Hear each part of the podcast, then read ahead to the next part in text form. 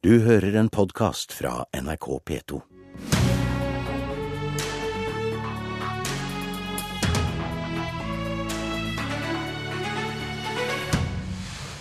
Det kan verke som om det er åpen krig mellom partia som skal bli samde om nytt statsbudsjett. Rakner det for Erna Solberg nå, spør vi.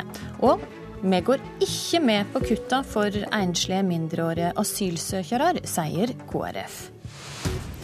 God morgen, du hører på Politisk kvarter. Vi kan ikke behandle enslige mindreårige asylsøkere dårligere enn norske barn, mener Kristelig Folkeparti, som protesterer kraftig på regjeringa sine kuttforslag på, for denne gruppa. Olaug Bollestad, nestleder i KrF. Av de forslagene som regjeringa la fram på fredag, hva er det du reagerer mest på? Først har jeg lyst til å gi ros til Solveig Horne for mye godt arbeid innenfor integrering. Men når forslaget på fredag kom eh, om de mindreårige asylsøkerne, så er det spesielt to, litt opp mot nesten tre, ting som jeg syns er vanskelig å svelge. Det første er støtten til skole og spesialundervisning i skolen.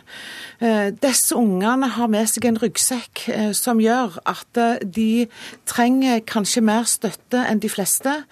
Og tidlig innsats for disse ungene hindrer at de faller utenfor, som gjør at de faktisk kan få den hjelpa de trenger, og som på sikt kan være god investering. Den andre tingen vi reagerer på, er at en lurer på å kutte i bemanning der disse ungene bor.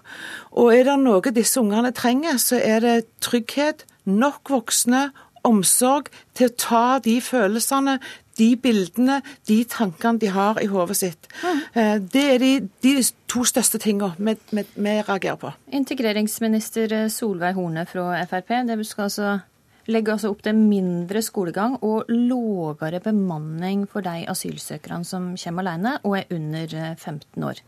Er det nødvendig? Vi er i en ekstraordinær situasjon, eh, og da er det nødvendig å se på de kostnadene. Men regjeringen har i tilleggsnummeret styrka omsorgssentrene for enslige mindreårige neste år med 1,2 milliarder. Vi har økt tilskuddet med 100 000 per enslig mindreårige, som kommunene skal få for å bosette disse enslige mindreårige. Og la meg understreke Bare, det. det men er altså på, til det som ja. Olaug Bollestad sier nå. Det er altså kutt i skole og lågere bemanning for denne gruppa. I den ekstra... Hvorfor er det det nødvendig? I den ekstraordinære situasjonen som vi er i nå, så må vi se på kostnadsreduserende tiltak. Hvor mye penger sparer det på dette? Det som nå, I det forslaget som ligger der nå, så har vi altså redusert kommunen sitt tilskudd til, til skole, eh, som fremdeles er høyere enn andre barn som er i mottak for. Eh, samtidig som vi har økt vertskommunetilskuddet til kommunene som har omsorgssenter. Som sum summarum så får kommunene mer. Men det er altså ikke på omsorgssentrene disse barna skal bo. De skal bo ute i kommunene. Det er der de de skal starte livet sitt, det er der de skal gå på skole, og det er der de skal få vennene sine. Men nå er vi i en ekstraordinær situasjon, og vi må få på plass flere omsorgssenter. Det har regjeringen gjort. Og de enslige mindreårige som kommer til Norge nå, de får et godt tilbud. De får omsorgssenter, de får tilbud innenfor barnevernet, de får lov til å gå på skole, og det skal være et forsvarlig tilbud òg neste år til de enslige mindreårige. Bra nok, eh, Bollestad. Ne, altså når, når, KrF sier at vi ønsker ikke et dårligere tilbud, så er det fordi vi tenker langt. Hvis vi ikke klarer å møte disse ungene under 15 år på en god uh, måte, bruke ressursene der Jeg skal være med og se på innsparinger for det jeg ser vi i en ekstraordinær situasjon. Men å spare på unger som er uten sine nærmeste voksne der, som har masse opplevelser, som har opplevd krig, og som bærer på en ryggsekk, og som trenger noe annet. Eh, hvis vi ikke klarer å møte dem, så blir det lett en trykkoker som bygger opp en aggresjon som gjør at vi plutselig får utblåsninger som vi ikke trenger, og aller minst disse ungene. Men derfor... Solveig Horne sier jo her at disse kutta er forsvarlige. Stoler du ja, ikke på det? Nei, fordi at vi tror at den læreren som står nærme disse elevene, som ser at det er et ekstra behov, Men... og, meg, og ser da at det, det, av 180 kroner så, så, kutter du 78. Men, det betyr, jo, ja, men jeg, nå, nå var det jeg som snakket først. Nå var det jeg som snakket først. Det betyr at det, da er det et dårligere tilbud. Det er ikke sånn at da får vi nok spesialpedagoger hvis vi trenger det.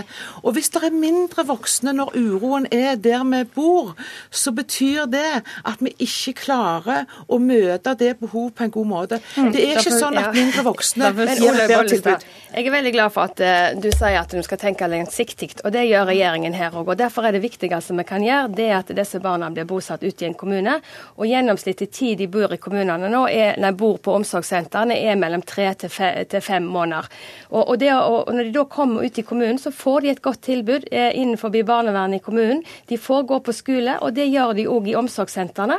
Veldig mange av disse barna som kommer her, eh, har en, en, bagasje med seg, men samtidig så skal det tilbudet som regjeringen legger opp til nå, være forsvarlig. Det skal være god, tett eh, voksenkontakt, og de får tilbudet om skole. Og regjeringen har òg økt vertskommunetilskuddet, så kommunene får mer penger enn det som det blir kutta i til de eh, kommunene som, som der er både omsorgssenter og asylmottak i. KrF er hjertens enig i at det viktigste er å bosette dem. Men allikevel så er det en en tidsperiode ifra de kommer til de blir plassert, som er kanskje noe av det viktigste møtet de har med en helt annen kultur. Og hvis vi mislykkes der, så kan det være et helt annet arbeid for kommunene når de skal bosette. Og derfor så blir det å um, kutte der kanskje en måte å skyte seg i foten på for å nå et mål som vi er helt enige om, Solveig. Det er at vi ønsker det beste for ungene. Men jeg skal heller være med og se på andre tiltak enn å kutte på det som betyr mest i starten. Jeg tror likevel vi må være så ærlige med oss selv og i den situasjonen vi ser i nå. Altså I fjor kom det 188 enslige mindreårige under 15. Vi er nå på over 500 og, og, nesten 50. Vi har altså fått på plass eh, over 50 flere nye omsorgssenter. og Neste år er det snakk om å komme opp i 80. 1,2 milliarder ekstra koster det oss eh, neste år. og Da må vi òg se på kostnadsreduserende tiltak, men samtidig òg ha en forsvarlig drift, slik at disse barna får en god og tett oppfølging. Og de skal altså bosettes ute i en kommune, som regjeringen òg er veldig opptatt av. Høydemunn, du har sagt. Solveig Horne, Frp går altså nå inn i budsjettforhandlingene med samarbeidspartiene. Samtidig så sier din nestleder Per Sandberg at Kristelig Folkeparti like godt kan bytte side og bryte med regjeringa. Er du enig med han? Nå har regjeringen eh, fremmet en tilleggsproposisjon overfor den situasjonen som vi står i nå. Nå er det opp til Stortinget å forhandle både budsjett og den, det tilleggsnummeret. Og det har jeg tro på at eh, Stortinget og Fremskrittspartiet og KrF og Venstre og de partiene der klarer å bli enige om. En eh, spurte deg om du var enig med din egen nestleder, som sier at Kristelig Folkeparti like godt kan bryte samarbeidsavtalen? Jeg har et godt forhold til, til Kristelig Folkeparti og Venstre. Og regjeringen har fremma nå en tilleggsnummer, og jeg har stoler på at eh, partiene klarer å forhandle fram et god avtale for eh, neste års budsjett. Og du håper KrF blir med videre?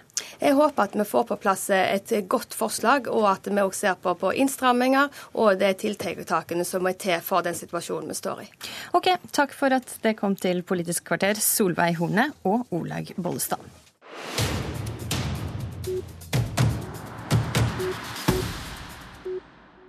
Konflikta mellom Frp og Kristelig Folkeparti verka mer tilspissa enn noen gang. Utelat Frp fra asylforliket, sier tidligere statsminister Kjell Magne Bondevik. Trekk de kan fra samarbeidsavtalen, svarte Frp-leder Per Sandberg. Og til Aftenposten i dag så sier Sandberg at Frp vil gå ut av regjering hvis Høyre lager asylforlik uten deg. Fridtjof Jacobsen, Kommentator i VG, hva er grunnen til at disse sterke utfallene kommer akkurat nå? Det tror jeg er et uh, elendig uh, klima mellom uh, deler av KrF og deler av Fremskrittspartiet, og ganske viktige deler på begge sider. Det gjelder nok ikke alle i, i, partiene, men, men, men, veldig betydningsfulle miljøer på begge sider.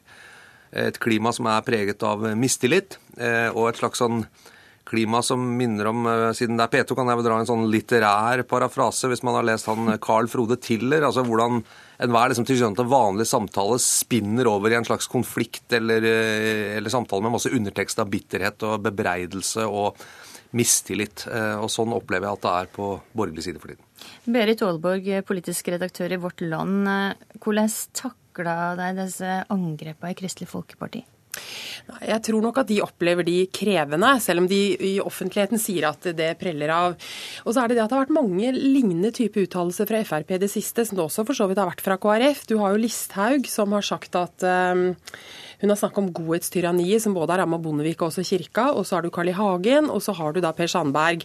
Og så viser viser det, seg også nå at det er noen sånne lokale angrep rundt omkring, eller irritasjon eh, fra Fremskrittspartiet, hvor de sier at KrF må ut av regjering. Så jeg tror nok Og, og pluss en ting til som er veldig viktig, og det er det at jeg tror nok man opplever at Listhaug har vært mer lojal enn det Per Sandberg har vært. Så når hun nå kommer så kraftig på banen, så opplever man nok at irritasjon og, og kanskje fra KrF sin side opplever man at aggresjonsnivået er større i Frp. Så dette oppleves nok også fra KrF sin side som betent og vanskelig. Og jeg er enig i Fridtjof Jacobsens analyse. Det er en veldig, veldig betent situasjon mellom de to partiene nå. Mm, Jacobsen, kan du forstå frustrasjonen i Frp som kommer til utløp nå? Frustrasjonen er nok på begge sider, tror jeg.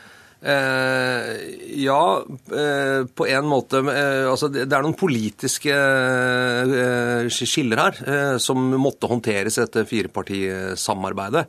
Men jeg tror ikke det kan forklares bare med det. Altså, jeg tror det er en, en sånn mistillit, og det tror jeg på en måte kan skyldes at da disse fire partiene hadde vunnet valget, og var ganske nærme å gå inn i regjering sammen, så hadde man noe samarbeid å bygge på. Jeg tror ikke det har lykkes Erna Solberg eller de som sitter i regjering å få dette samarbeidet til å utvikle seg i positiv retning. Tvert imot så har det gått helt gærne veien eh, siden de undertegnet denne Nydalen-erklæringen for to år siden. Vi må huske at Per Sandberg var en av de som undertegnet i Nydalen og satt og forhandlet med Hareide og, og, de andre i KrF. Nå er hele den tilliten de bygde opp på den tiden, borte. Og litt av ansvaret for det tror jeg må ligge hos statsministeren, som ikke har klart å lage noe klima for at samarbeidet og tillit mellom de fire partiene har utviklet seg i riktig retning. Tvert imot så har det gått helt feil. Og da, mm, da, jeg, da, da bare spinner ting litt ut av kontroll, for da mm. tar du alltid verste mening. Mm. I VG i dag så skriver du at det kanskje er for seint å redde det borgerlige samarbeidet. Hva mener du? Nei, altså jeg, jeg tviler på, på en måte at vi fra sånn regjeringen ryker og sånne ting. Skal ikke utelukke noen ting. Men jeg tror at uh, muligheten for at dette alternativet med disse fire partiene, som var et helt klart alternativ før valget i 2013, kommer til å være et alternativ i 2017 eh, den tror jeg allerede har gått. Det er klart at Når disse fire partiene som skulle samarbeide, bare ender rett i en ganske opprivende konflikt med to av de viktigste partiene, i den viktigste saken for Erna Solbergs eh, statsministerperiode, nemlig flyktningkrisen, så blir det veldig rart å se at dette er et politisk samarbeid som egentlig har livets rett. Eh, da er rett og slett både det personlige og det politiske forholdene ikke til stede for å ha et slikt samarbeid. Eh, og, det, og, det, og Derfor så sier jeg at det, det, nå er i ferd med å rakne. Altså hennes prosjekt som hun var med å bygge opp, er i ferd med å rakne. Tror du også det, Alborg? Ja, jeg tror også det. Men så vil jeg også si at dette prosjektet som de fire partiene nå sitter sammen om, det er lenge siden i Norge at vi har hatt et prosjekt som har spent så bredt politisk. For det er en veldig stor sammenheng fra Fremskrittspartiet på den ene sida og til KrF på den andre sida. Og jeg tror det er Snoen i Minerva som har sagt at KrF har vært en uh, sosialdemokratisk festbrems. Det sa han ganske tidlig. Det er altså den økonomiske politikken og også politikken på flyktningpolitikk, asyl, alle disse tingene. Det er veldig stor politisk avstand, faktisk. Så i tillegg til at man kanskje kunne håndtert, eh, uh, håndtert det annerledes, så er også den politiske avstanden veldig krevende. Mm. I ettermiddag så er det et gruppe gruppemøte i Frp, der de skal snakke om asylforhandlingene og, og se om de vil være med på alle, dette forliket på asylpolitikken. Hva er det venta kommer ut av det møtet, Berit Aaborg? Eh, ja, altså Det er jo veldig spennende hva som kommer ut av det, men det er veldig vanskelig å forestille seg noe annet enn at Fremskrittspartiet skal i hvert fall være med inn i forhandlingene og forsøke å være med på et forlik. Da har jo vært Bondevik foreslo at de ikke skulle være med, men det er veldig krevende å se for seg at de ikke er med på et sånn type forlik. Både fordi de sitter i regjering og fordi det ville blitt et veldig smalt eh, forlik hvis ikke Frp var med. Så, og Jeg kan ikke forestille meg at Erna Solberg heller vil ønske å lage en type forlik der hvor det ene store regjeringspartiet ikke er med. Det vil mm. bli veldig vanskelig å håndtere, tror jeg. Jacobsen, hva tenker du om dette?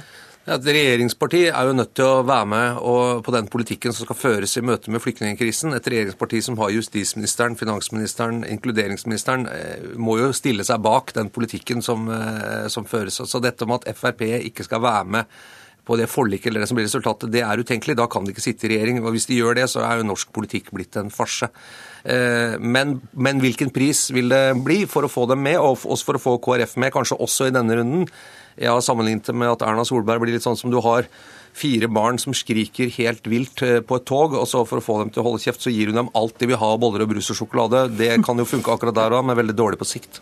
med den sammenligninga så avslutta vi Politisk kvarter. Takk for at det kom, Fridtjof Jacobsen og Berit Aaborg. I studio i dag var Astrid Randen. Du har hørt en podkast fra NRK P2.